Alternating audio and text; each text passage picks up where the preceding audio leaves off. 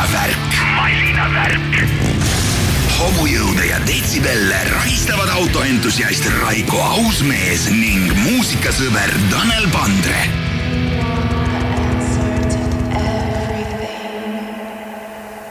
Now you are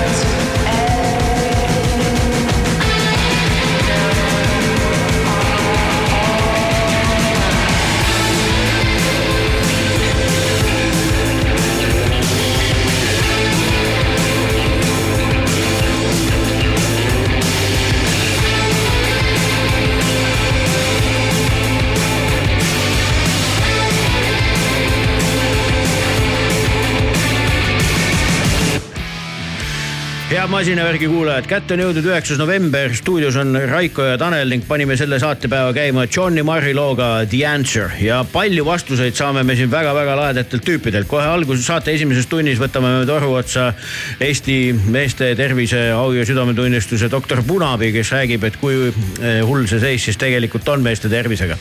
me laseme nii uut muusikat, et fail tuli meile siin tund enne saate algust kohale, et äh, Eesti värskema, üks värskemaid bände Robotor, kellel on ka homme Svetas kontsert, minge kohale ja muidugi äh, kuidas nüüd ma iga kord, sinu sõnad on need paremad, need au, uhkus, au, Mis iganes. uhkus ja südametunnistus. Just Eesti äh, Audi au, uhkus ja südametunnistus, Peeter Tiitson, räägime sellest, kuidas on Audi Eestis juba kolmkümmend aastat tegutsenud ja mille vastu näiteks on tahetud autot vahetada. kõik ei taha raha tuua, ja, ja stuudios on veel ka Tõnu Korrol ja Anti Soo, kes räägivad eh, projektiauto valimisest Eesti autogala raames. just, aga mina käisin, sina käisid just Itaalias, sellest me räägime, aga mina käisin ka just Itaalias. käisime jälle vaatamas, kuidas Albert Tammel äh, läheb seekord täitsa Lõuna-Itaalias ebareaalne, millise vihmasaju kätte me jäime ja ma nägin laivis ära selle küll mitte Alberti sõidus, aga suuremate sõidus.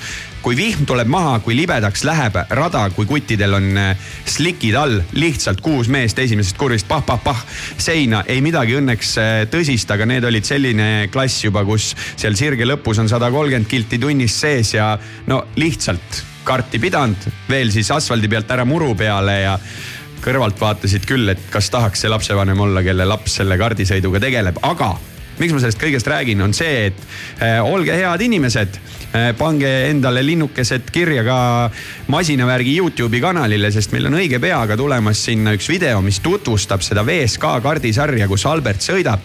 saate teada, et ka Miga Häkkinen on oma lapsed sinna pannud ja ka näiteks Rootsi kuulus DJ Axwell on oma poja sinna sõitma pannud ja nii edasi.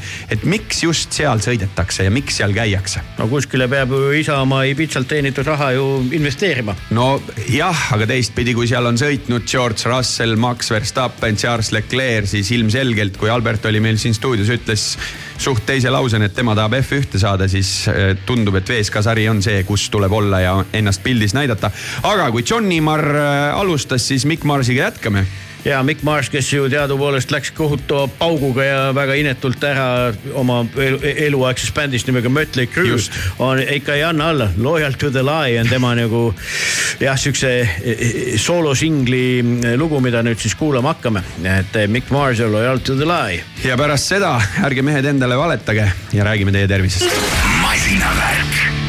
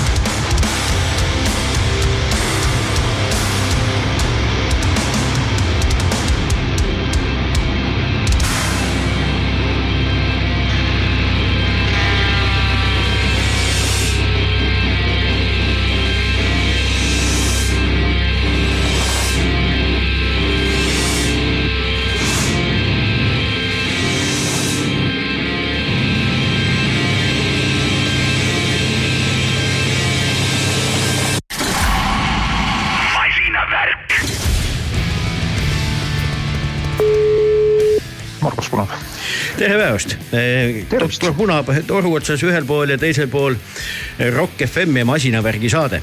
ja põhjus, miks me siis meeste tervisekuu raames Eesti armastatumale meestearstile helistame, on väga lihtne. kuidas meeste masinavärk täna toimib kus otsast vaadata. üks, üks osa masinavärgist on, on, on, on päris hea et, et kui me võtame vanuse järgi, siis noored on meil päris krapsakad, noorte tervis on päris hea, kui me jõuame kuskile sinna keskea piiri peale, siis hakkab äh, asi alla käima ja ja kui me vaatame äh, nii-öelda lõpp, lõppfaasi, et siis oodatav eluiga kipub meil ikka olema. Kaheksa aastat lühem kui Eesti naistel ja kaheksa aastat lühem kui on äh, Rootsi meestel, nii et on, on head ja on, on vähe probleemset ikka ka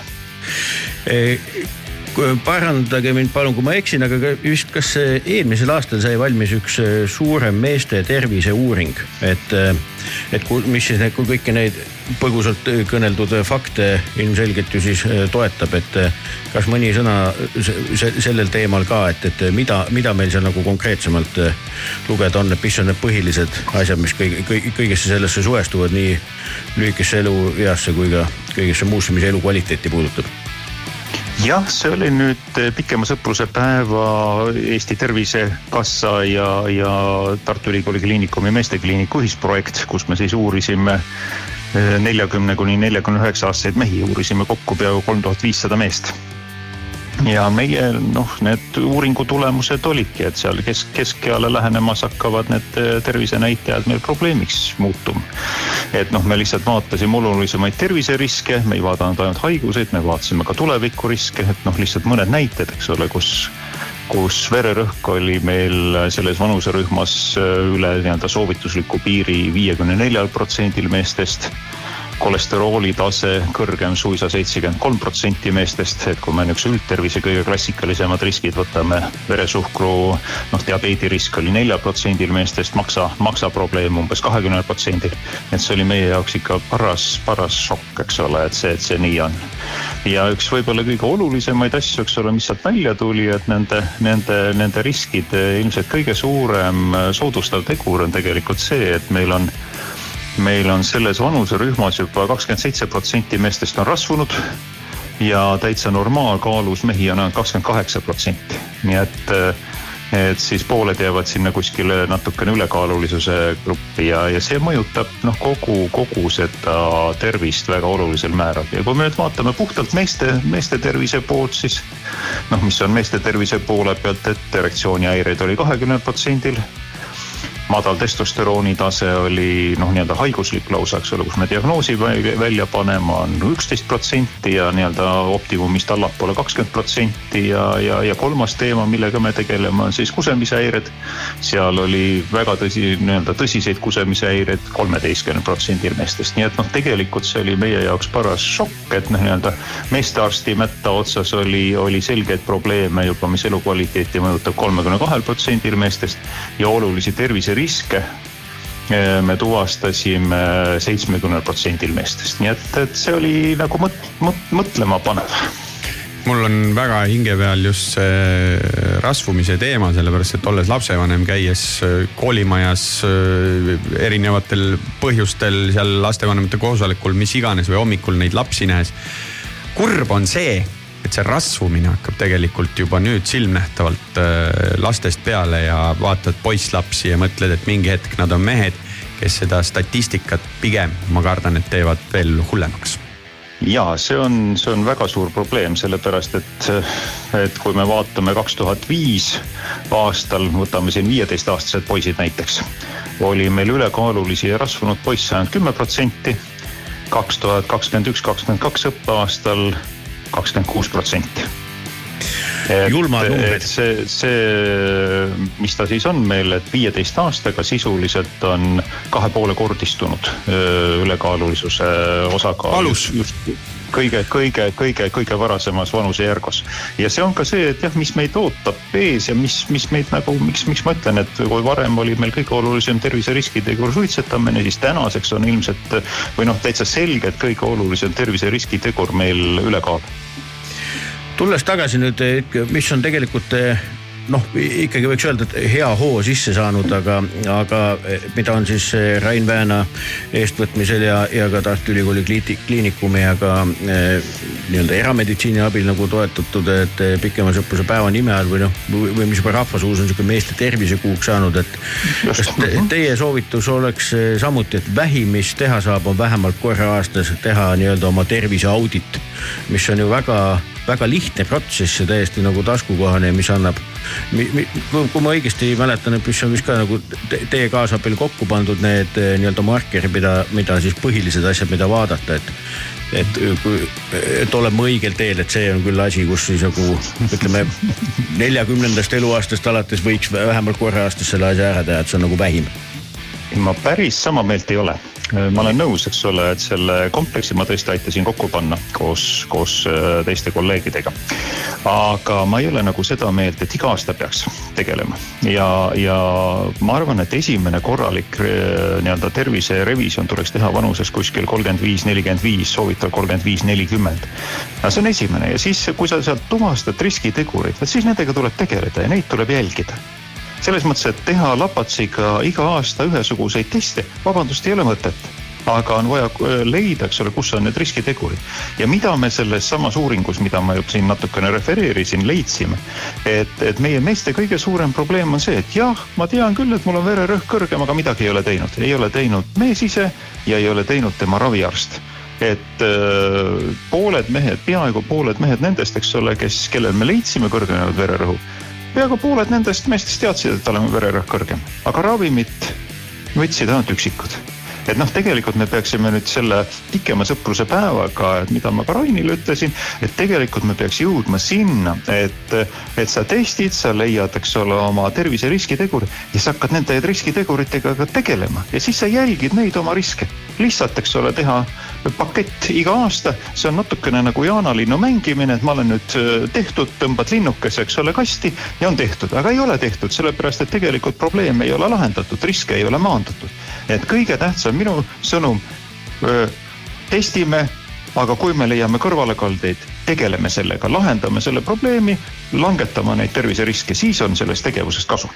Ja jälgime Just. neid asju, mis on tegelikult äh, sinu tervisele olulised, ei ole mõtet kõike jälgida just, just. kas kõigest sellest, mida me siin väga-väga põgusalt oleme saanud puudutada tänases saates, kas seda võtab kokku ka nüüd just teie poolt välja antud uus raamat, et sellest kõigest on ka seal juttu? sellest kõigest ei ole, selles raamatus ma nüüd keskendusin eelkõige just kusemishäiretele ja eesnäärmehaigustele et miks just sellele teemale, et see on, see on niisugune tervisemurede lõigukene, millest väga ei julgeta avalikult rääkida. aga millega kokku kokku puutub praktiliselt kõik mehed oma elu jooksul. et äh, ütleme niiviisi, et kusemishäireid ja eesnäärme haiguseid me diagnoosime, kui me võtame kuuekümne aastase mehe praktiliselt sada protsenti ja, ja need võivad juba alguse saada, minu kõige nooremad näiteks eesnäärme põletikuga patsiendid on neljateist, viieteist aastased. kõige vanemaid oleme siin saja alla ravinud. nii et see on niisugune sisuliselt sünnist surmani, et kui me räägime kusemishäiretest, siis lausa laste, eks ole, näiteks eesnaha kitsenemine võib anda sedasama probleemi, et minu kõige noorem patsient on olnud äh, neljakuune. nii et äh, sünnist surmani kõige suurema mõjuga või noh, kõige, kõige sagedasem tegelikult tervisemure meestel. selge ja siis noh, ütleme ka suur osa sellest kõigest, mida me siin põgusalt oleme saanud käsitleda, on ju pigem ikkagi selline võiks moodsalt nimetada nagu elustiili haigusteks. loomulikult on ka pärilikkust ja kõike muud taolist selle juures, nii et, et igal juhul, et see esimene samm siiski oleks ju see eh, kõige lihtsam tervisekontroll ja siis juba oma teadlikkuse tõstmine, mida reaalselt ette, ette saab võtta ja ma arvan, et see raamatu lugemine ei tule ju ka kuskilt otsast kahjuks no see tuleb kasuks ja mina soovin veel korra, kolmkümmend viis, nelikümmend viis, kui teil ei ole tehtud, eks ole, põhjalikumat terviseuuringut, siis see on viimane aeg seda teha suur-suur tänu, doktor Punab ja eh, palju jõudu ja jaksu sellel väga-väga tänuväärt eh, tööl, mida te teete, aitäh. suured tänud. aitäh teile ka, hüva.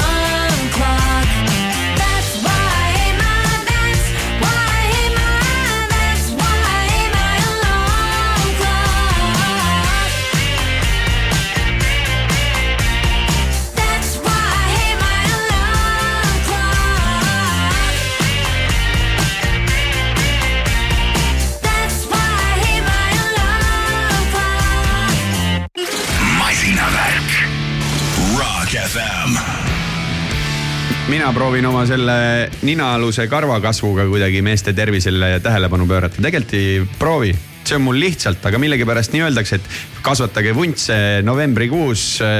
mis see seos on, noh, kõik vaatavad otsa siis meestele rohkem või? kas, ei tea, ei tea, ma, mul on see eluaeg kuidagi väga kaugeks jäänud see teema. minul ei ole vuntsid üldse sellepärast. kas sa tervisekontrollis käinud oled? ei ole, lähen.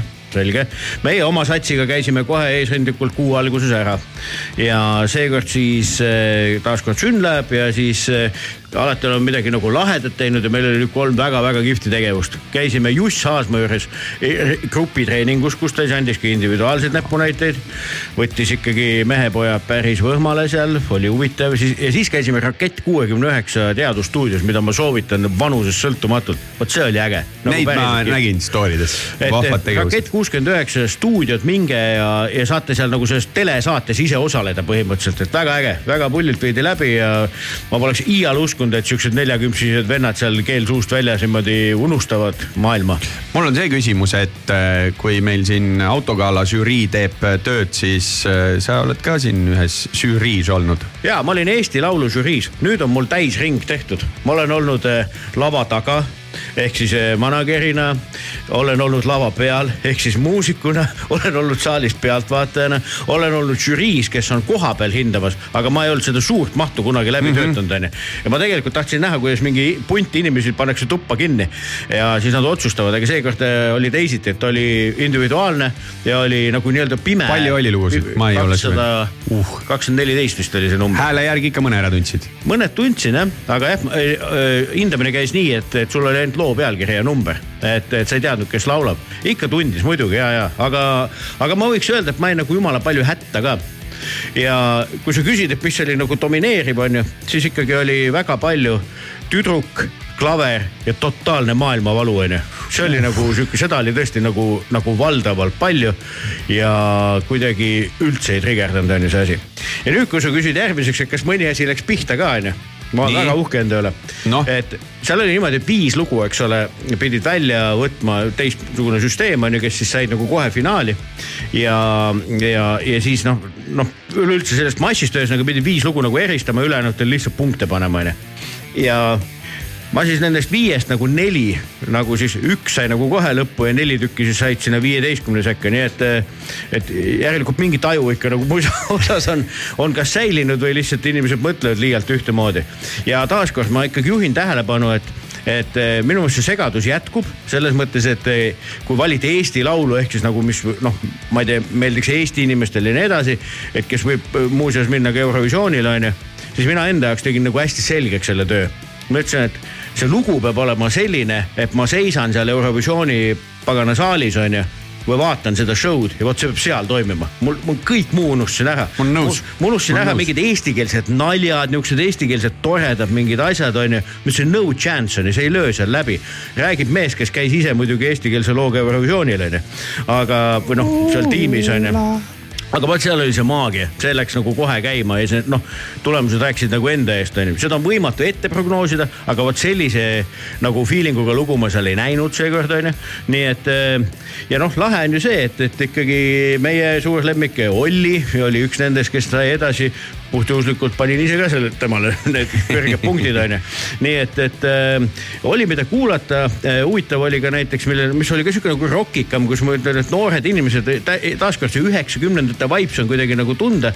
et äh, näiteks äh, Ingmari lugu Dreaming oli väga-väga Queenish onju, et mm, -hmm. et, et eks ta, eks seal oli mõjutusi igasuguseid onju, aga kui sa nüüd küsid, kes võidab mitte, et sa juba paar korda midagi küsinud oleks, onju, siis. ma olen hea kuulaja. ja uskumatu, et äh, mis, mis ikkagi teistest selgelt eristus on ju ja mida ma kujutan Eurovisiooni laval ette rohkem kui midagi muud, on sihuke lugu nagu Bad Boy. et äh, mis siis sai ka sinna viie sekka on ju, ma loodan, et nende lavaline presence on vinge. et, et jah, et, et selle, sellest loost ma nagu loodan palju, kas mu sõnad on nüüd prohvetlikud või mitte, näitab äh, veebruar mingi. veebruar midagi. kakskümmend äkki vist oli. aga, aga enne, aga enne seda toimub veel üks suur muusikasündmus. tõsi, sellest me räägime kindlasti veel pikemalt, aga maha on ta hõigatud, eks ole, nii kuupäevaliselt ja nüüd ka saatejuhtidena, et kus on meil siis ka siuksed uued eh, noored autoentusiastid onju. ehk siis eh, jutt ei millestki muust kui Eesti muusika auhindadest, mis seekord leiab aset esimesel veebruaril kaks tuhat kakskümmend neli Unibet Arenal, mida siis juhivad Stefan ja Birgit Sarap. kuule, sinu sõna, uhikas Nii. ja vaata, ma arvan, et nii uhikat lugu ei ole meil olnud äh, au mängida. veidi küll siia nüüd meie siukse rõõmsa asja lõppu tuleb üks lugu, mille nimi on Dead ehk siis mitte nagu teed, vaid Dead ja Robotor kes ka käis meil siin mõni aeg tagasi äh, stuudios. Robotoril on muuseas homme Svetas Telliskivis siis äh, äh, live koos äh, Pärnu bändiga Ecolav, aga esitlevad seal oma uusi lugusid ja ega neil ju ainult uued lood ongi mõnes mõttes. värske bänd on tehtud küll äh, kaua koostööd, aga äh, Robotori täitsa tutikas lugu mis masterdati täna öösel ja hommikul et saadeti tulla meie saatesse. et, et jõuda meie saateks valmis.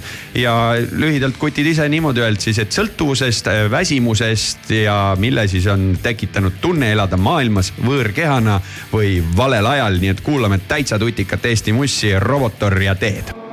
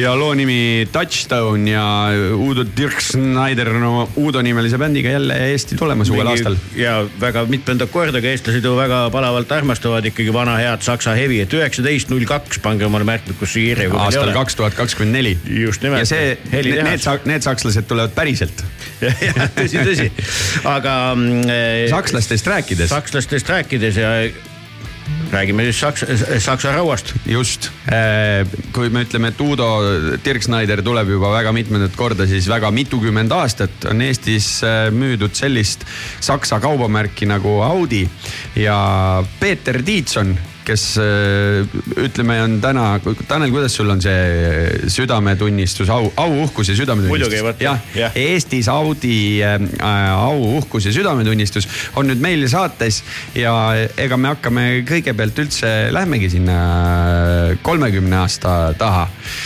Peeter, mina tean, et sina oled sellest kolmekümnest kakskümmend seitse aastat Audidega Eestis kokku puutunud. milline oli siis sihukene tormiste üheksakümnendate alguse autoäri? jah, tere, tere. vastab tõele jah, et ähm, nii pikka aega ma ise ka vahel olen imestanud, et, et, et kakskümmend seitse, aga eks see algus oli, oli kõigil eriline et üheksakümmend kolm ju kui alustati, siis esimene tulemus oli kaks sõidukit Audi kaheksakümmend Avant ja Audi sada. Äh, järgneval üheksakümne neljandal aastal tehti juba oluline hüpe, müüdi kakskümmend üks autot ja siis seitsekümmend seitse ja siis nii edasi ja edasi nii et eks see, eks see algus on olnud kõigile eriline ja huvitav ja, ja kui me räägime nendest absoluudinumbritest, et noh, nad on olnud väikesed ja noh, täna me müüme küll siin sadu ja sadu autosid, aga, aga nii-öelda ikkagi Euroopa turu mõistes on meie number ikka väike, et. kui palju Eesti autoturg, seda sa ka peast tead öelda, et mis see seal, ma ei tea, võtame siis aasta mingisugune eh, üheksakümnendate keskpaigas või noh, et siis kui eh, ta oli Matkar auto too, too aeg on ju. Eh, palju see turg üldse oli, täna me räägime sihukesest kahekümnest tuhandest Eestis umbes uuest müüdud sõidukist jah, ega see, see number oli ikka tilluke selles mõttes, et siin me räägime mingi tuhandest autost ja nii et alla selle.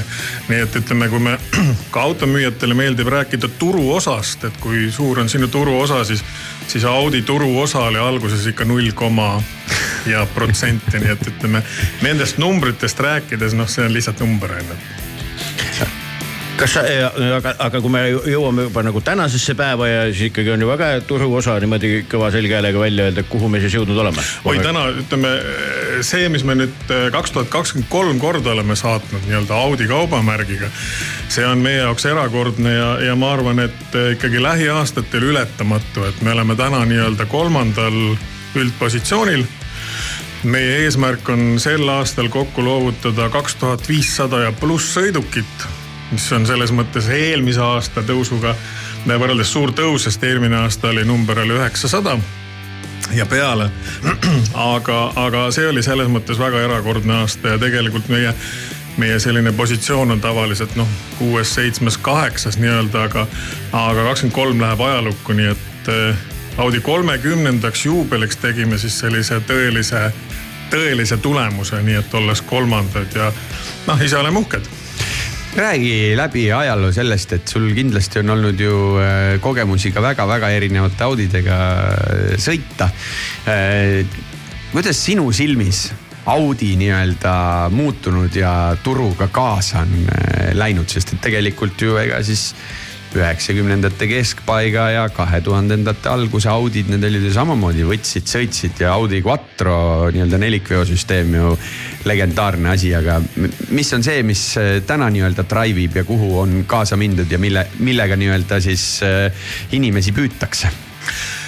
noh, nii palju on jah muutunud, et äh, täna eestlane ikkagi eelistab ikkagi nii-öelda maasturklassi sõidukeid ja, ja meie enim müüdud mudel on siis Audi Q5, nii et äh, küsimuse peale klientidele ka, et noh, miks eelistatakse maasturit, siis eestlastel on see omadus, et eestlased tahavad asju vedada. kogu aeg on hästi palju asju kuhugi vaja vedada, mis asju keegi täpselt ei tea. aga, aga jah, ütleme kuumudelite ehk siis sellise linnamaasturite osakaal on kõige suurem. aga loomulikult, eks selle, selle nende aastate jooksul noh, ma olen sõitnud kõikidega ja ja, ja sõitnud ka viimasel ajal elektri, erinevate mudelitega, aga aga ma jääks praegu ikka olen jäänud selles mõttes sisepõlemismootorite juurde, et, et äh, küll selle elektriga jõuab sõita küll ja rohkem ja eks tal on omad nii-öelda kindlad eripärad, mida sa pead arvestama selle auto ostmisel ja omamisel, aga, aga ma olen praegu jäänud jah, selles mõttes nende sisepõlemismootorite juurde ja, ja see on, see on tore maailm jah mina küsin äh, sellist asja, läbi kolmekümne aasta tegelikult äh, Audi Eestis on alati ka väga palju panustanud sporti ja eelkõige kergejõustikusse. miks nii? eks siin on see teema, et ma olen alati, mulle meeldinud alati öelda, et toetajal ja toetataval peab olema mingisugune side. et toetada võib kõike. aga kuna ma ka ise olen kunagi nooruses, noh, põlve otsas nokitseses sellega tegelenud ja, ja kergejõustik kui, kui sport on mulle väga hingelähedane, siis selles, sellega me oleme nagu olnud juba aastaid seotud ja ja ega ka tulemused, noh, keda me oleme toetanud, et noh, kõige kuulsam on meil Erki Nool olümpiavõitja, kellega koos me oleme teinud pikka koostööd. Magnus Kirt, täna on meil Risto Lillemets, Rasmus Mägi, nii et, et, et selles mõttes me, me jätkame seda ja, ja ma leian, et olulisemaks teemaks selle toetamise juures on see, et me oleme aastad olnud kergejõustikuliigus nii-öelda noorte B-klassi toetajad, et noh, see nüüd toetus, mis võib joonistuda kuskil välja, aga noh, me ei taotle seda. see on ikkagi puhas puhas nii-öelda sisetunde küsimus, et me toetame noorte sporti, et noh mulle on see nagu ääretult oluline ja, ja lootus, et sealt midagi kunagi tuleb. ma saan aru, et Erki, sa tegelikult oled sedasi ära sidunud, et ega ta nüüd, kui te, nüüd, kui te eh, enam teda ei toeta, siis ega ta kuskilt mujalt autopoest autosid ostmas ei käi. no Erki käest võib küsida jah, viimased viimased andmed seda näitavad, et aga eks Erki ju on samal lainel, et tegeleb oma spordikooliga nii-öelda, et see et, et, et see asi käib edasi ja et jah, ütleme kergejõustik on meile nagu oluline, me oleme ka teisi spordialasid kindlasti nagu toetanud, aga, aga me oleme jäänud jah, nagu selle juurde, praegu oleme kindlasti Sõudeliiduga veel seotud ja aga, aga, aga nii me jätkame ja ma ei näe seal põhjust, et me peaks muutma. me kuulame siia vahele muusikat ja siis me tuleme tagasi nende sündmuste juurde, mis siin eh, toimusid, kui Audi kolmekümnendat juubelit Eestis tähistati. Tanel, mida kuulame? kuulame täiesti uut lugu ühelt suhteliselt vanalt bändilt, nimelt Ministry, aga ma arvan, et masinavärgi saatesse ja ka Audi teema vahele päris nihuke intrigeeriva pealkirjaga pala on tulemas. Just stop oil vaatame, mis siit tuleb. masinavärk. masinavärk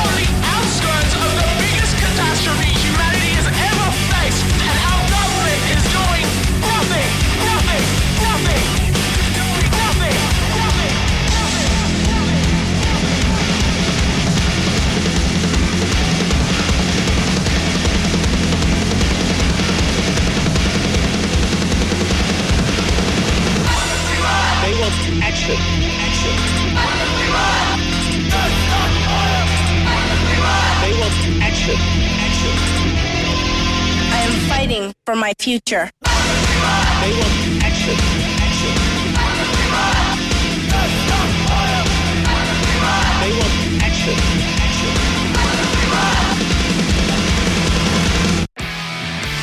ministri Just Stop Oil mm. -hmm. no Audi mudelirivi on siin vägagi elektrifitseerumas, aga ma tuleksin äh, pigem nende sündmuste juurde, mida siis Audi Eesti korraldas Tallinnas, Tartus, Pärnus ja Kuressaares, kus minul oli au läbi viia erinevaid äh, vestlusõhtuid ja käsitletud teemad olid ka toredasti vastavalt äh, ütleme ka natukene asukohtadele jaot-, valitud, et Tallinnas me rääkisimegi sellest äh, kolmekümnest ja tegutsemisest aastast Eestis. aga Pärnus me rääkisime üldse Audist ja Audi siis spordist ehk autospordist, millega Audi on nüüdseks juba rohkem kui nelikümmend aastat, aga ametlikult see Audi sport nii-öelda divisjon on nelikümmend aastat äh, eksisteerinud. Äh, Peeter, kui suur autospordi fänn oled? ja ikka jõudumööda, et ma, ma nüüd päevikut ei pea ja, ja, ja selles mõttes meeldetuletusi ka ei pane, et eks äh, need tippvõistlused, mis on, jõudumööda jälgin kindlasti siis kodus seal Saaremaa rallil käin ka vaatamas, nii et ega mind nagu väga suureks nagu autospordi fänniks nagu nimetada ei saa, et ma ikka noh, mõnda võitjat tean onju, aga, aga las ta olla. aga küsin su käest äh, niimoodi, et kui sa Audit täna vaatad ja Audi spordidivisjoni, siis pühenduti siin mitmed aastad Dakarile, tehti seal äh, revolutsiooni, sest valmis ehitati selline masin, kus rattaid viib edasi äh, elektrimootor, aga siis Audi DFSI äh, legendaarsest mootorist toodetakse seda elektrit. ja tänane suund on see, et Dakarile minnakse nüüd viimast korda ja siis pühendatakse oma rahakotiga vormel ühte. jah, see oli, see oli nüüd küll juba hulk aega tagasi, kui sellest hakati rääkima vaikselt. ja ma mäletan, kui, kui olid jutud, et tegelikult nüüd vormel üks on, on nii kallis sari, et seal ei, ei osaleta kindlasti, aga näed, ajas asjad muutuvad ja, ja tõepoolest, et Audi on nüüd selle, selle kuningliku sarjaga liitumas ja ja, ja kindlasti nii-öelda turunduslikult ja olemuslikult on see Audile nagu suur-suur väljakutse ja, ja kindlasti tuleb sellest kasu, nii et ega, aga kuidas läheb, ega see, seda näitab ju, seda näitab ju ajalugu, et noh, võistlus lõpeb siis, kui stardilipp või see finišilipp kukub, nii et kes. et eks aeg näitab, aga, aga kindlasti on see suur väljakutse ja Audi oma nii-öelda kogemustele tuginedes ja koostööpartneritega tehes kindlasti on võimeline seal ka tegusid tegema. Tartus me rääkisime elektrist ja me ei rääkinud põhjusega just elektriautodest, sest sellega on võimalik, igalühel läheb Audi keskusesse ja küsib proovisõitu ja kui meeldib, ostab ära. aga me rääkisime üldse, üldisemalt äh, tegelikult äh, elektri tootmisest ja siis ka sellisest kasutajakogemusest, mis on väga pikaajaline Tartus elektritaksol kuivõrd äh,, arvestades nüüd seda, et Audil tõesti on palju elektriautosid äh, tulemas, siis äh, missuguses nagu arvamuses sina nende koha pealt just äh, tuleviku osas oled, sest et väga erinevad, no minnakse ikkagi kahte lehte, on ju. on need, kes ütlevad, et jaa, kõik on mõistlik, teised ütlevad, et see on rohepesu ja tegelikult poleks vaja nojah, nagu igal, igal mündil on kaks poolt, nii et ega see, seal ei ole ka ühte ja ainust tõde nagu ka meie jaoks. Äh, noh, pigemalt ma, ma arvan, et nüüd nendest tulevikku suunatud maksutõusudest tulenevalt noh, võib muutuda see nii nagu Põhjamaades, et hakkavad domineerima siit hübriidsõidukid elektrisõidukid, et see on puhtalt rahandusest ja maksundusest tulenevalt. Eh, kui me räägime tänases võtmes, siis mina ütlen ikkagi seda, et elektriauto ostmisel on, on oluline teema see, et sul on see laadimisvõimalus endal olemas. me ei saa mängida selle üldise võrgu peale. ja okei okay,, arvestame Eesti vahemaid, mis on väikesed. aga, aga ikkagi inimese see nii-öelda vaba liikumise võimalus on ikkagi see, et eh, ta saab seda siis ilma probleemideta nagu teha. et ma arvan, et praegu nad ei ole jagunenud päris pool ja pool kindlasti elektriautode osakaal tõuseb aastast aastasse ja, ja, ja seda tulenevalt siis nende nii-öelda hoolduskulude ja vähesuse tõttu inimesel tundub, et see ongi odav ja ongi hea. aga, aga noh, eks tal on ka teine, teine pool medalil, et nii-öelda see autode hilisem utiliseerimine ja see, noh, sellest ei ole täna keegi rääkinud, me räägime puhtalt sellest CO2 päästust ja asjadest. aga, aga noh, see on järgmiste aastate teema kindlasti jah, et ega, ega sellest pääsu nagu ei ole Kuressaares me rääkisime spordist, spordi toetamisest, millest me juba oma eelmises plokis ka siin äh, juttu tegime. aga need sündmused äh, olid ka selles mõttes huvitavad, et te presenteerisite seal kunsti, aga enne kui me hakkame sellest kunstist rääkima, siis teil on siin ju lähiajaloos olnud üks huvitav näide, kus no tavapäraselt inimene tuleb autopoodi võtab äh, jutumärkides kohvriga raha kaasa või organiseerib endale pangast toetuspaketi ja hakkab iga kuu maksma. aga teile tuli email koos piltidega, et väga tahaks ühte väga head Audit R8-t, erilist versiooni sellest, aga näed, mul on üks maal, et hindaks, hinnake ära ja teeks kuidagi vahetuskaupa jah, nende aastate jooksul ma olen erilisi ostutehinguid näinud, aga, aga see on üks erilisemaid selles mõttes jah, et siis äh, Audi R8 GT vastu pakuti meile maali.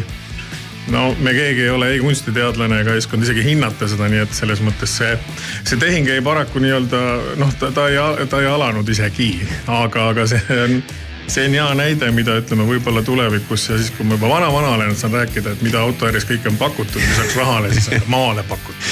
ei, kus ma elus suurima vea tegin selle saab ka siis teada. sõltub, millise vea, kas siis positiivse või negatiivse.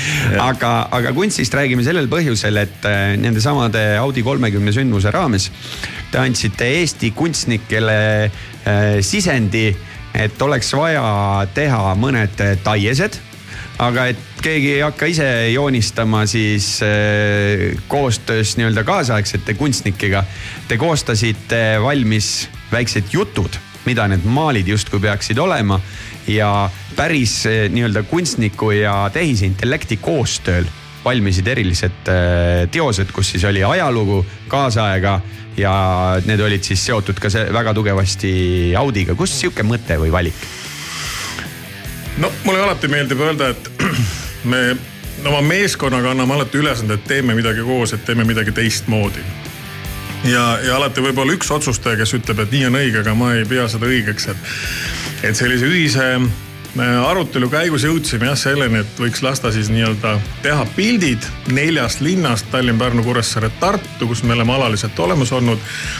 Ja, ja nende piltide, nende linnade kindlate siluettide või motiividega pilt ja siis otsustati jah kaasata nagu tehisintellekt.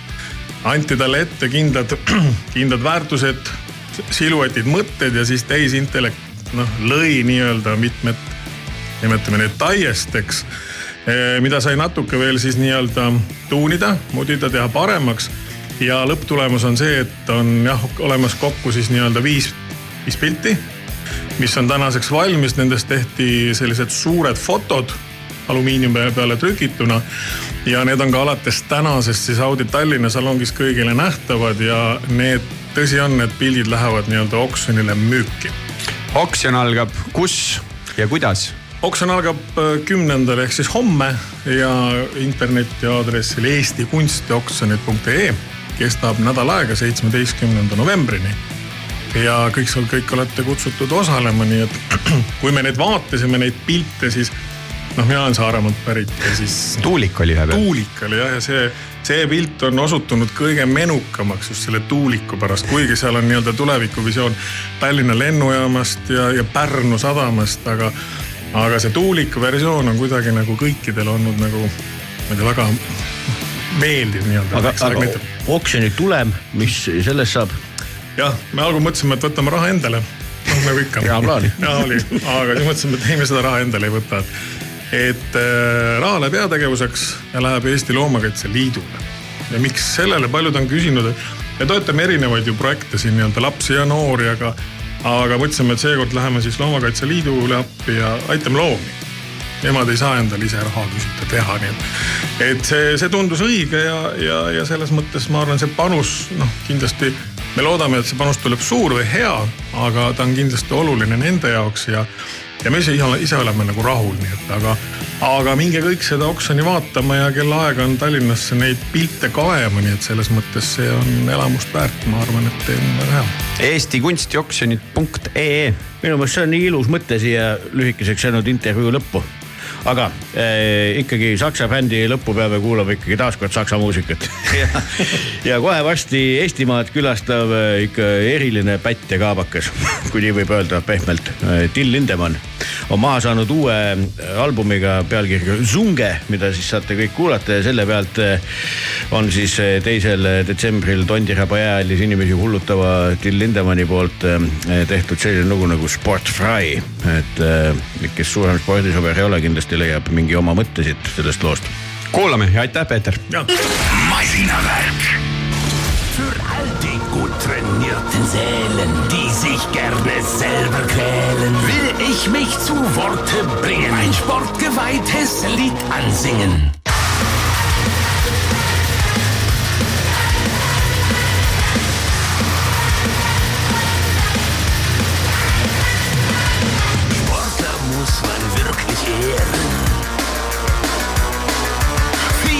Müssen sie entbehren. Morgens immer früh aufstehen, abends schlafen, schlafen gehen. Jeden Tag die Muskeln messen. Alles oder gar nichts fressen.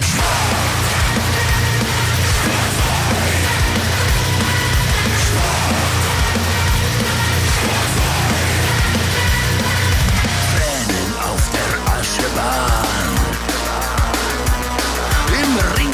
Ausgeschlagener Zahn. Kacheln zählen im Schwimmbecken.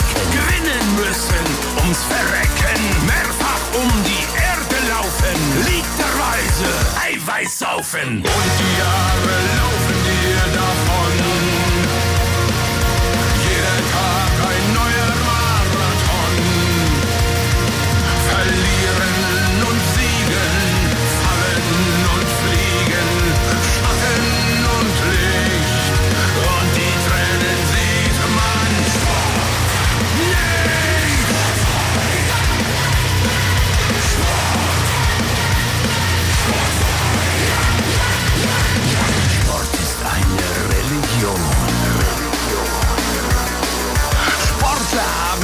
Kondition. Ihre Lungen sind geweiht, die Herzen haben sich verbreitert, rennen schneller als die Dicken, können einfach besser ficken. Und die Jahre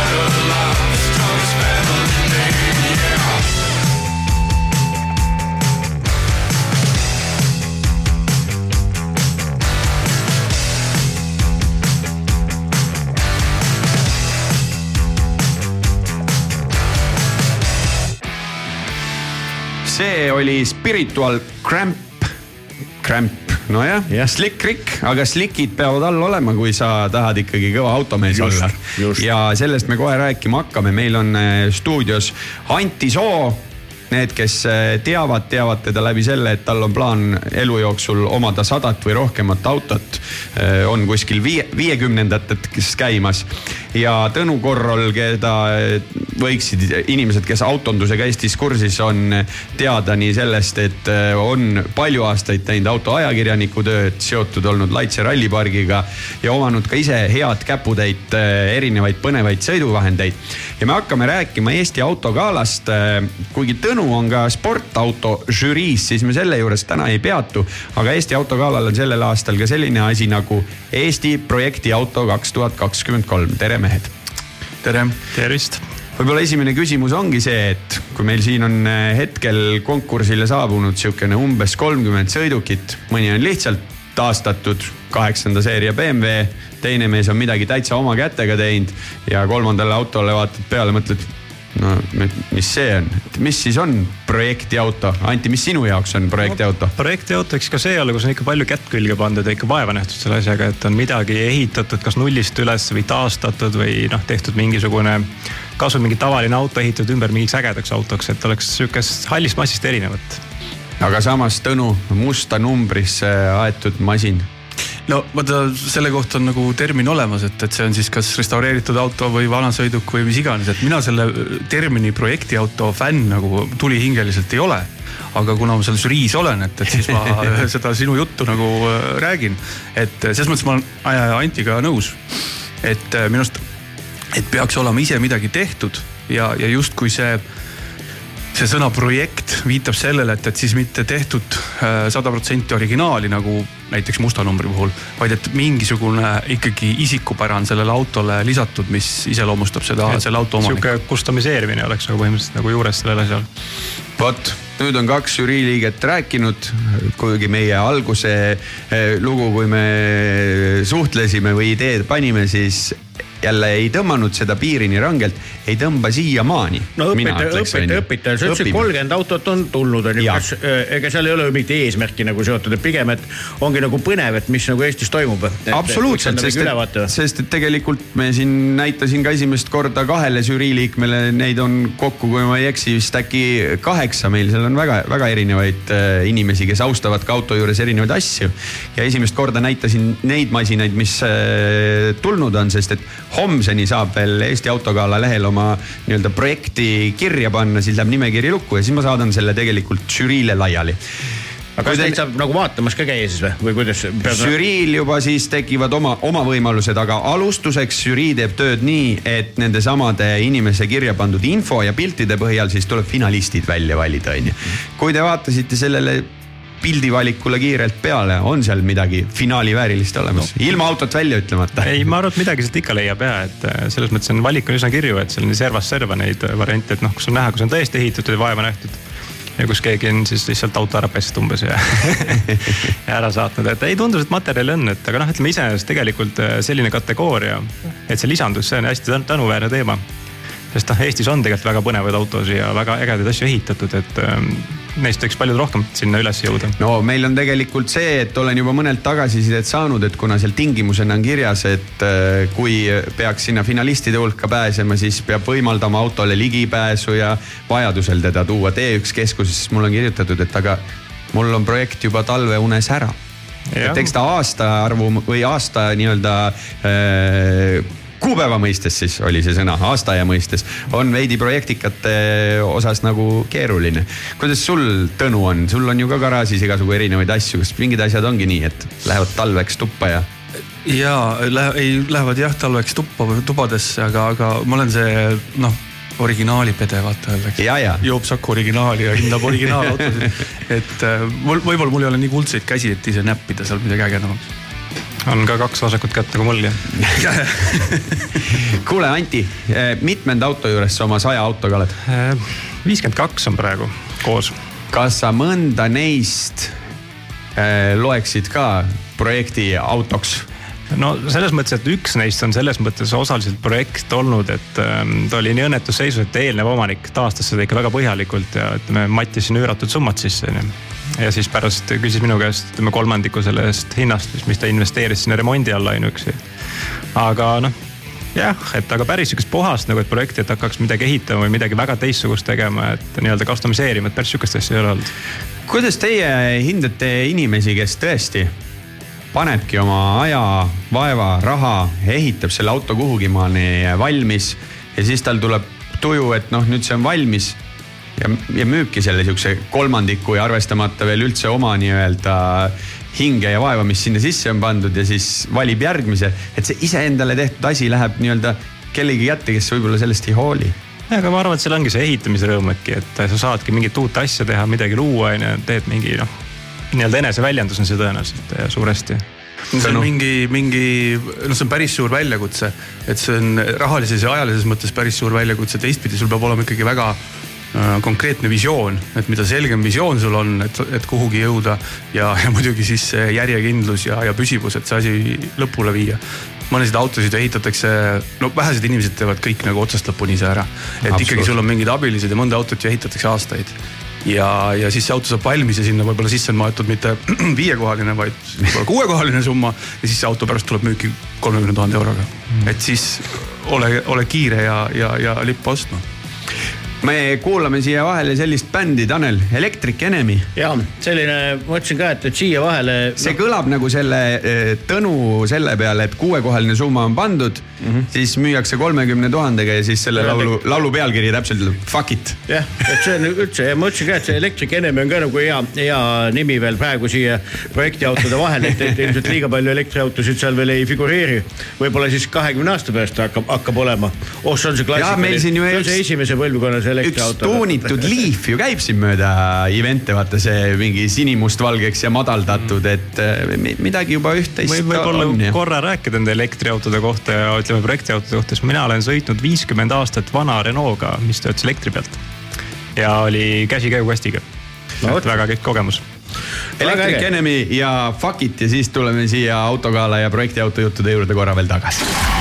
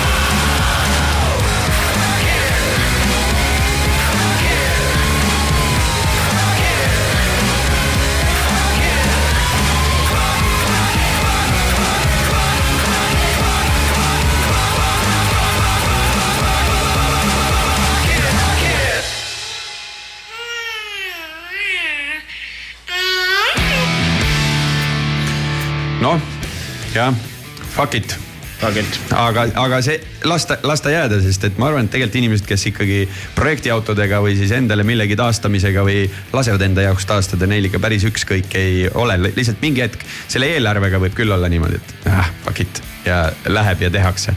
aga stuudios Tõnu Korrol ja Anti Soo ja räägime Eesti autogalast ja räägime projektiauto kategooriast, mis siis on uus kategooria autogalal ja sinna on võimalik enda masinat üles anda Äh, Anti, sa, ütlesid küll, et sa ise ei ole sihukene ehitaja.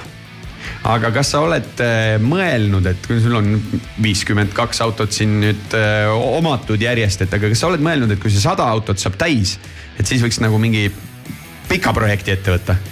Ikka olen mõelnud jah, no mul on praegu ka garaažis üks projekt on ju, mida ma siin juba kolm või neli aastat nii-öelda peas äh, nähtamatul paberil siin ehitan ja teen on ju. noh, reaalsus pole selleni jõudnud, et eks ta, et see ongi see, et see kõik tahab aega saada ja ütleme materiaalset ressurssi, et, et see ongi see konks alati, mille taha siin ma arvan, üheksakümmend üheksa protsenti Eesti projektiautodest jäävad, on ju, et noh, mis on ka ostetud suure hurraaga.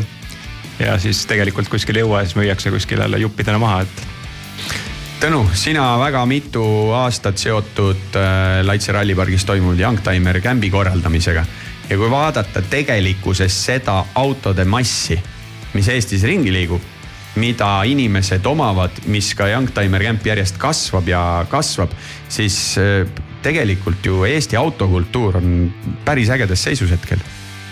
Äh, jah, kui vaadata viis, kümme, viisteist aastat tagasi, siis tegelikult äh, seis pole halb, alati võiks paremini. noh, muidugi see Youngtimer Camp, mida sa viitasid, et see on, see on ainult üks väga kindel hulk nendest autodest, eks ole. ma ütleksin, hobiautode mõttes ma ütleks sihuke entry level, eks ole, et, et see koht umbes, kust alustada, ütleme siis rahalises mõttes ja ka lihtsuse mõttes, et, et et need autod on veel piisavalt uued, et neid ei pea nullist restaureerima ja teistpidi neile juppe saada. aga, aga, aga see on ainult üks valdkond, eks ole, et, et äh, Youngtimer Campi autode seas selliseid tuunitud või projektiautosid on tegelikult olnud võib-olla kümnendik kõigest, eks ole. ja siis, siis, siis me võime veel edasi vaadata, eks ole, kas ajaloos kaugemale autod lähevad tasapisi kallimaks ja haruldasemaks, aga, aga samas äh, Youngtimer Campi vanusepiir äh, kakskümmend viis aastat, et suht vanad, et tegelikult hobiauto võib ka palju uuem olla, hobiauto võib olla Absoluutselt. viis või kümme aastat vana ja eriti veel tänases maailmas, kus meil päris uued autod on, eks ole puhas elekter või, või, või pistikuga mingil kujul, et, et siis juba viis aastat vana mõni V8 on ju täitsa ehe hobiauto, et äh, miks mitte mis te arvate, kui keeruline see nagu lõpp-protsessi eh, hindamine ja paremusjärjestuse kokku eh, panemine tuleb, et ütleme, et eh, mina annan teil siin nädalavahetusel kätte selle eelnimekirja, sealt ma palun suhteliselt ruttu igalühel oma e esimesed valikud ära teha ja siis see just see finalistide pool, et ka jär- järjekordselt. Väga keeruline ju hinnata, noh, üks mees ongi täiesti, täiesti nullist midagi teinud ja täiesti loonud midagi ise. teine asi on siis kuskilt maalt taastatud ja toodud nii-öelda ellu tagasi. no see saab keeruline olema, okei okay,, et igaüks võib-olla, iga žürii liige valib äh, oma lemmikud sealt välja. aga kui meil on olemas siis mis iganes viis finalisti või?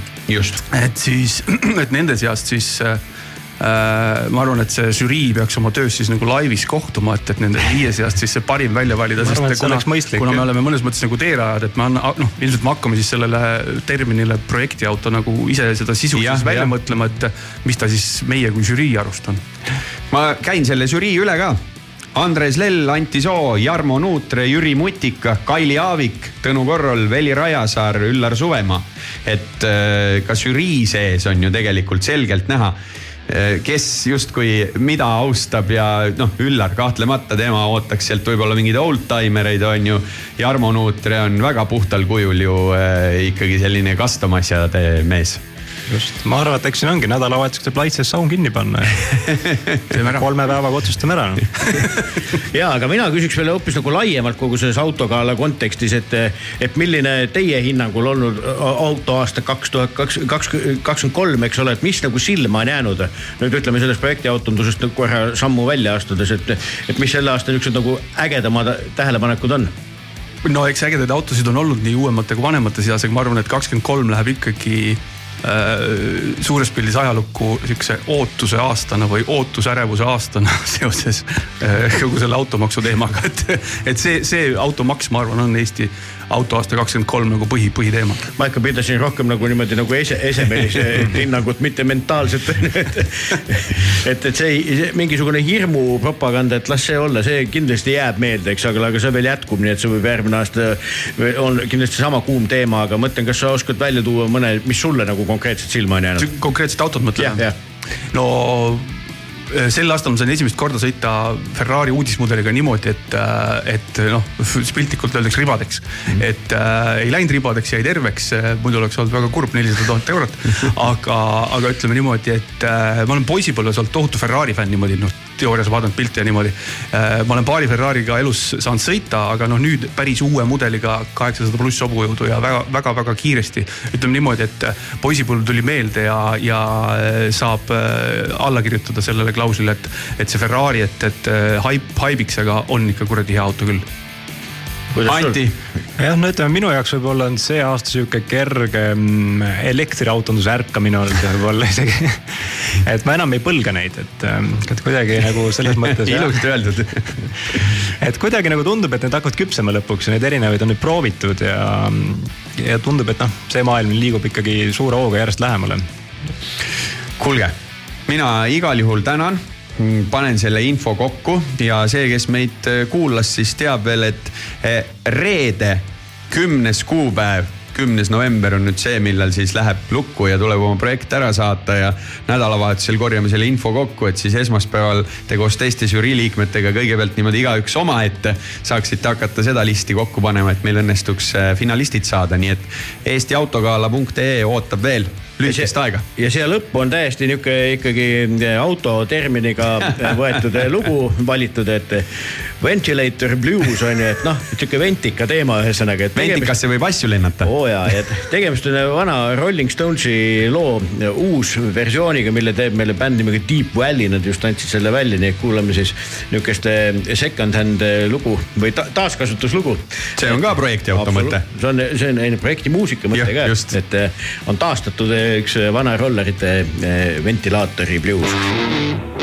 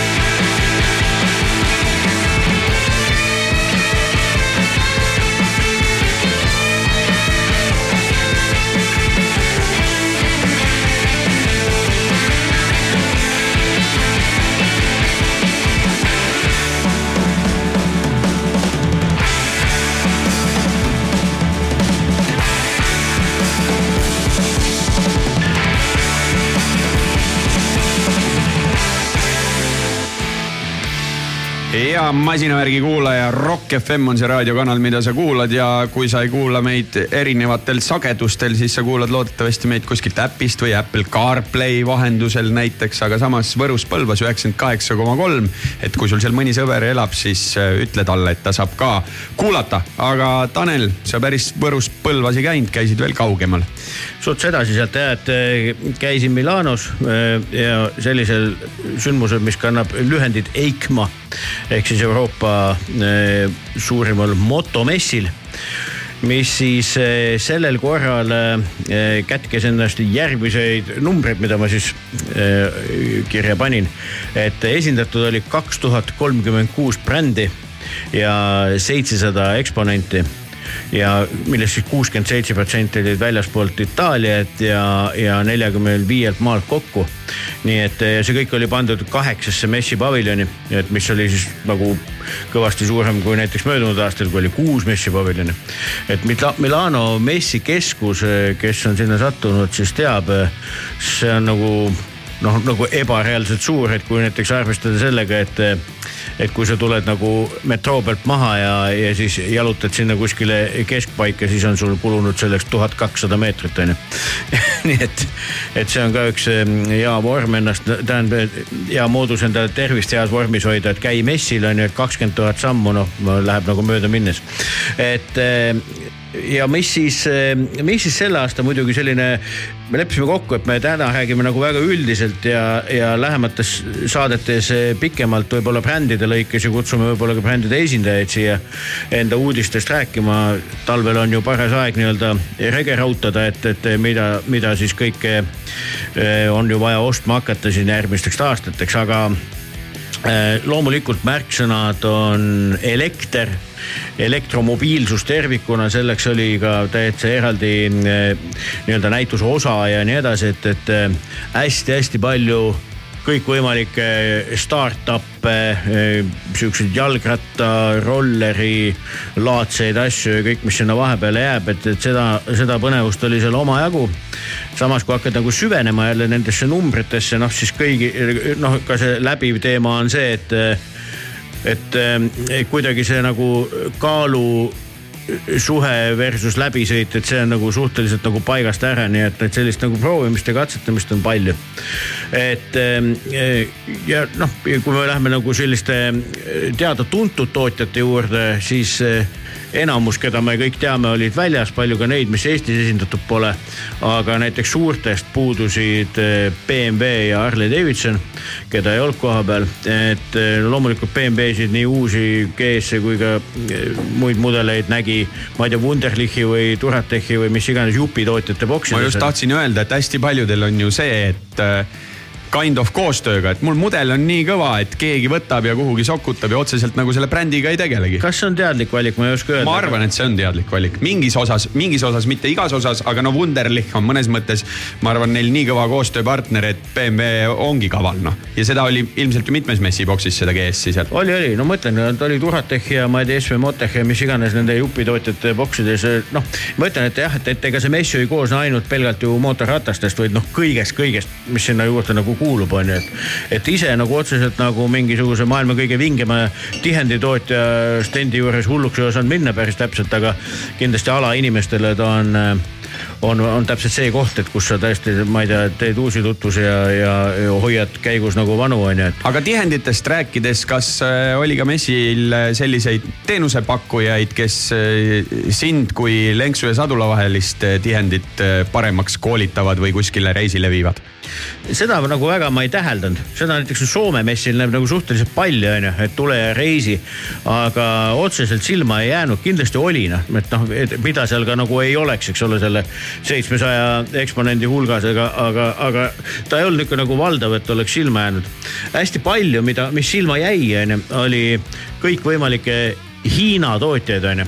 ja selles mõttes see maailm ilmselgelt on nagu muutumises, et, et noh, et, et ma arvan, et selline väljend nagu, nagu hiinakas kaob noh, võib-olla meievanuste eh, kõnepruugist ei kao, aga meie laste omas päris kindlasti, sellepärast et, et sealt on juba tulnud nagu väga-väga ägedaid brände, kes olid seal ka suurelt ja võimsalt väljas, kellel on eh, väga ägedad patendid eh, ostetud, mida ise teha võib-olla eh, veel ei tihka, aga, aga jah, disainimehed on nad seal kõvad ja, ja, ja tegelikult seda innovatsiooni nägi sealtpoolt ka hästi palju, ägedaid väljapanekuid, nii et, et nendest brändidest räägime ka kindlasti lähemalt.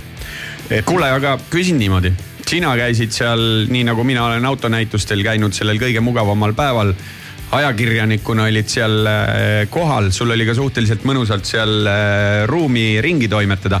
mis sa ütled tavalisele külastajale või no eestlasele, kes mõtleb, ma läheks, käiks ka sellel ägedal messil ära, palju aega tuleks äh, varuda? No ütleme nii, kas peaks planeerima kuidagi või midagi? jube raske, ma arvan, et esimene kord, kui sa lähed, sa võid ükskõik kui palju planeerida, et ikka läheb nii nagu mul. aga noh, ma, mess avati hästi vara, kaheksa kolmkümmend, et ma olin seal kuskil mingi peale üheksat olin kohal ja just tulin ära peale viite. siis ma olin jõudnud kõik nagu läbi käia.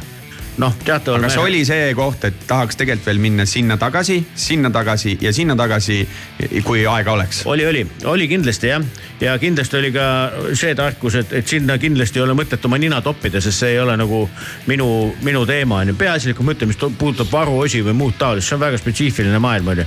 ja noh, lõppude lõpuks noh, mida ma näiteks musamessil, musamessidel, kus ma olen nagu oluliselt rohkem käinud, eks ole, on ka, et noh, et kui, kui kõik räägivad sul mingisugustest uutest toodetest, siis on ikkagi üks Hiina boks, eks ole, kes müüb sulle kassettmakki näiteks on ju, noh et nagu seda oli seal ka on ju, et noh, et hästi palju sihukest võib-olla nagu tarbetut kola on ju, kus mingi, aga see selleks. ühesõnaga, et kui sa küsid, et mis nagu, räägime nendest highlight idest kindlasti nagu eraldi, et, et mis on, mis uued mudelid ja, ja ütleme, mis oli tendents, et suured tuntud tootjad sa nagu tunned, et kogu see elektriasi on nagu nende arengus kindlasti tähendab arenguskavades kõikides sees, aga nad ei ole veel nagu suurelt väljas nendega, et klassikaline tootja on klassikaline tootja. ja kui me räägime siin, ma ei tea, Hondast, Yamahast, Kawasakist ja nii edasi. Kawasakist selles mõttes muidugi peab kõrvalekaldeliselt rääkima, et nemad presenteerisid hübriidratast. Tähendab, mida? Tähendabki nagu auto puhul, et sul on äh, kaks mootorit, et mm, -hmm. et, et, et, et Kawasakil on jah, on Z7 ja ZT1, mida siis äh, tasuks, millel silma peal hoida, et äh, loodetavasti saame sellest pikemalt rääkida. aga jah, et, et see oli nagu selline suurte puhul kõrvalekalle, mille üle mul oli eriti hea meel, et, et sain oma silmaga näha ja näpu vastu panna sellisele brändile, mis minu teada Eestis ei ole esindatud, on Zero ei tea, et oleks jah. et ühesõnaga viimase aja kokkuvõte sellest eh, elektrimaailmast, millest, millest ju räägitakse palju ja ma ütlen, elektrisõidukeid oli, oli tooni andvalt seal, aga, aga et oligi Zero oli kindlasti üks ja teine, mida seal ei olnud väljas, aga millega sa siin kohapeal tutvunud, on Stark on ju. ja need on nagu kaks minu meelest sellist nagu päris asja nagu ilmselgelt nagu, et, et, et mis nagu kannatavad oma, oma kõikide parameetrite poolest juba sihukest lähemat huvi ma küsin nii palju ära, kas sa midagi sellist nagu jaburat ka nägid? ja jaburat nägin ka ja ma arvan, et nende jaburate asjadega, et on äh, mõistlik panna üles meie kuskile keskkonda pildid ja siis sinna juurde rääkida, sest äh, et need päriselt need ufo filmid on nagu käes, et sa juba reaalselt võidki osta mingisuguseid täiesti hullumeelsete äh, disainidega asju onju ja neid toodetakse. Batman'i mootorrattad noh, ka Batman'i oma ja jaburaid, kui sa ütled, et noh, nagu naljakaid asju on ju, noh, sul ongi, ma ei tea, näiteks Han Young moto on ju mis näeb välja täpselt nagu, nagu, nagu näiteks Harley Davidson Street Glide on ju, et noh, need on noh, mingeid selliseid asju muidugi oli ka on ju. aga, aga nendest võib-olla pikemalt ei pea peatuma, siukseid nagu koopiatooteid oli küll mm -hmm. nagu ikka, ikka omajagu, aga, aga jah, siukseid väga-väga ulmelisi disaine oli ka ja muidugi. sinna see maailm nagu on juba mitte, mitte liikumas, aga ongi nagu jõudnud meile järgmisena tuhat hobust. ja et, et ikkagi hobujõud on au sees, võib-olla jah, veel tendentsina öelda, et kui võtta mingi üldistus nagu kokku, väga palju tegeletakse kubatuuriga, ütleme viissada kuni üheksasada et vot seda võiks nagu öelda, kõikidel suurtel tootjatel ja brändidel on vot sinna range'i kõige rohkem nagu uudiseid. et, et jah, et muidugi mingid tuhande kolmesajased case'id ja ma ei tea, super adventure'id ja muu taoline, see on mingi üks liiga, eks ole, mingi üks standard, aga, aga ma arvan, kus tehinguid faktiliselt tehakse kõige rohkem, terves Euroopas on, on, on just sihuke viissada kuni üheksasada kubatuuri ja kõik, mis sinna vahele jääb, et neid rattaid esitleti kindlasti kõige rohkem. aga Thousand Horses, A Room Full of Strangers, seal oli tõesti palju inimesi, keda ma mitte kunagi enne. ja ka motorattaid, mida sa polnud enne näinud. oo jaa, no nii. masinavärk.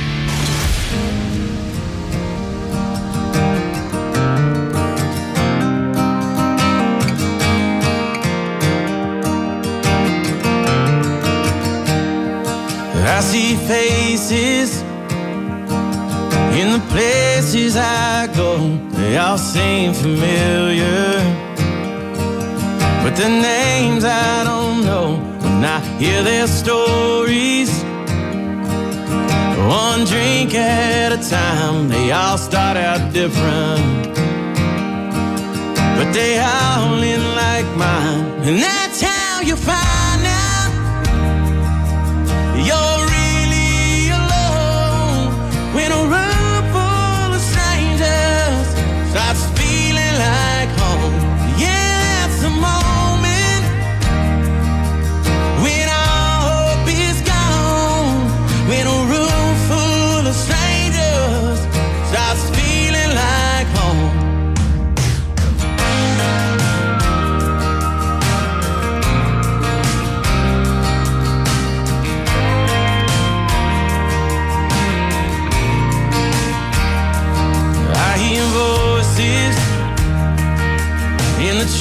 choices I made.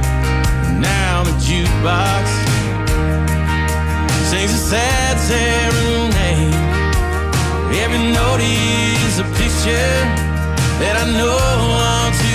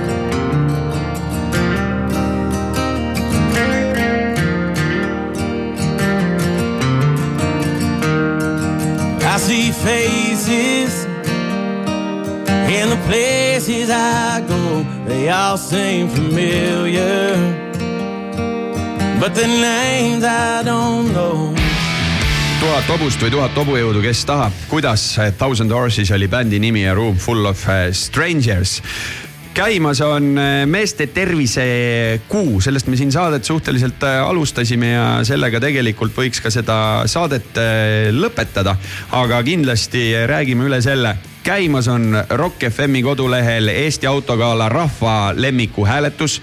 võtke sellest osa, korralik auhinnapakett ka, sest et äh, ikkagi loosime teie kõigi vahel, sealt saab Palexela kütuse, Shelly kinkekomplekti, Rocki kinkekomplekti ja kas oli ka Graham Hillilt veel midagi sinna punti pandud, ehk et mõnus sihukene asi, et pluss siis võiduautoga nädalavahetuse veeta ja teine asi autogalaga seoses, kui sul on vähegi selline masin mis tahab tunnustamist ja see ei olegi see uus auto, mida tänaval müüakse, siis Eesti Autogala raames projektiautode kon- konkurss läheb homse ehk reedega lukku, nii et viimane võimalus sinna oma projekt äh, üles anda Tanel, üheksas november tähistab ka tegelikult kalendris seda, et meie ühel heal sõbral on täna sünnipäev. Ka meil siin stuudios äh, käinud ja kui me räägime meeste tervisest, siis ka kuulmine on üks osa sellest.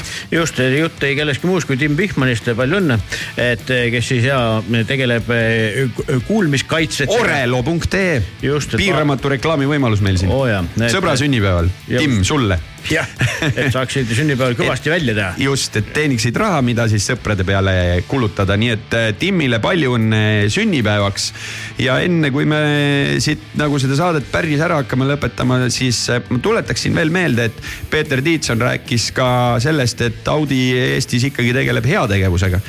päris põnev kunst on võimalik sul endale soetada ja homsest, kui Eesti projektiauto konkurss läheb homsest kinni, siis Eesti kunstioksjonid.ee keskkonnas avaneb võimalus osta siis tehisintellekti ja kunstnike koostöös valminud projekte, kuhu on siis käed kokku pandud tuntud Eesti niuksed maamärgid, asjad, tulevikuvaated nendest ja siis ka autondust ja Audit. ja raha ei lähe Audi äh, uksetaskusse. nagu vaid... mehed rekordaasta tegid. just vaid äh, see raha läheb heategevuseks ja suunatakse loomadele no väga ilusad mõtted ikkagi tegelikult siia sellisesse äh, tatisesse novembrisse, et. jaa ja kuule, millal see tervisekuu raames, et mis, mis sinul plaanis on? minul on äh, plaanis tõsisemalt äh, pühenduda sporditegemusele, ma olen selle lubaduse endale andnud, sest et ma olen seda lubadust mitu korda oma abikaasa ees äh, murdnud ja siinkohal tervitan ka oma abikaasat Evelini, sest et vähe sellest, et Timmil on sünnipäev, mul on pulma aastapäev. ja siis näed teda ka või?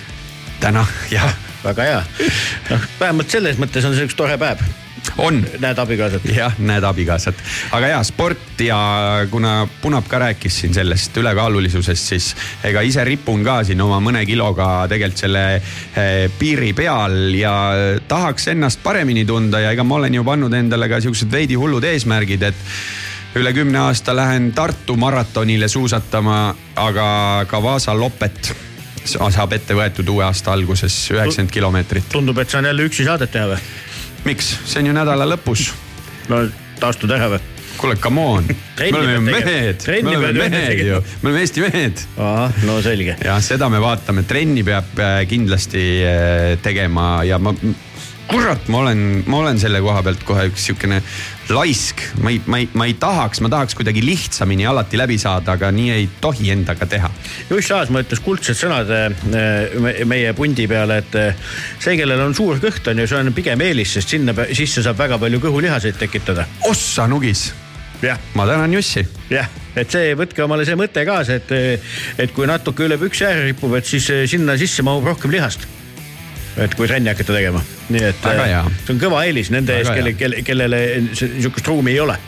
jah aga tõmbame selle üheksanda saate otsad kokku ja olge meiega ka nädala pärast, sellepärast et noor rallisõitja Georg Linnamäe tuleb meile külla ja Susan Luitsalu käis armastatud kirjanik, kes käis kuskil, tahtis jääkarusid näha, keda ei näinud, aga nägi Põhja, Vaalu ja. kes Põhjanabal. jah, just ja,. ei vaadanud iseenda naba, vaid vaatas Põhjanaba vot nii, ühesõnaga siia lõppu oleme valinud sellise Eesti muusikaklassiku. Sullivan Unplugged ja mis saaks olla parem meestekuu lugu kui Men's Song. meie täname ja kohtume nädala pärast, tšau